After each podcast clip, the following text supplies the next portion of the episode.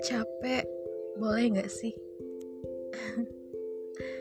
Sini gue kasih tau. Capek itu hal yang wajar banget di manusia. Dan gak ada yang bisa ngelarang kita buat capek. Karena sifat capek itu sudah menjadi sifat utama di, di diri manusia. Dan kalau capek, pasti juga butuh yang namanya istirahat kan?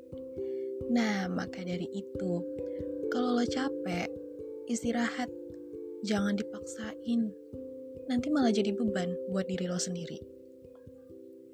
Gue tahu, lo bingung kan mau cerita ke siapa. Ya, walaupun orang terdekat lo udah menawarkan buat cerita ke mereka. Gue paham kok apa isi hati lo sebenarnya. Pasti hati lo merasa kalau lo yang kebanyakan curhat, takutnya orang itu risih atau bosen. Nah, saran gue lebih baik lo luapkan semua itu dengan cara membaca, berdoa, bercerita, tapi kepada diri sendiri atau barang yang ada di dekat lo. Dan lain sebagainya yang bikin lo tenang gitu.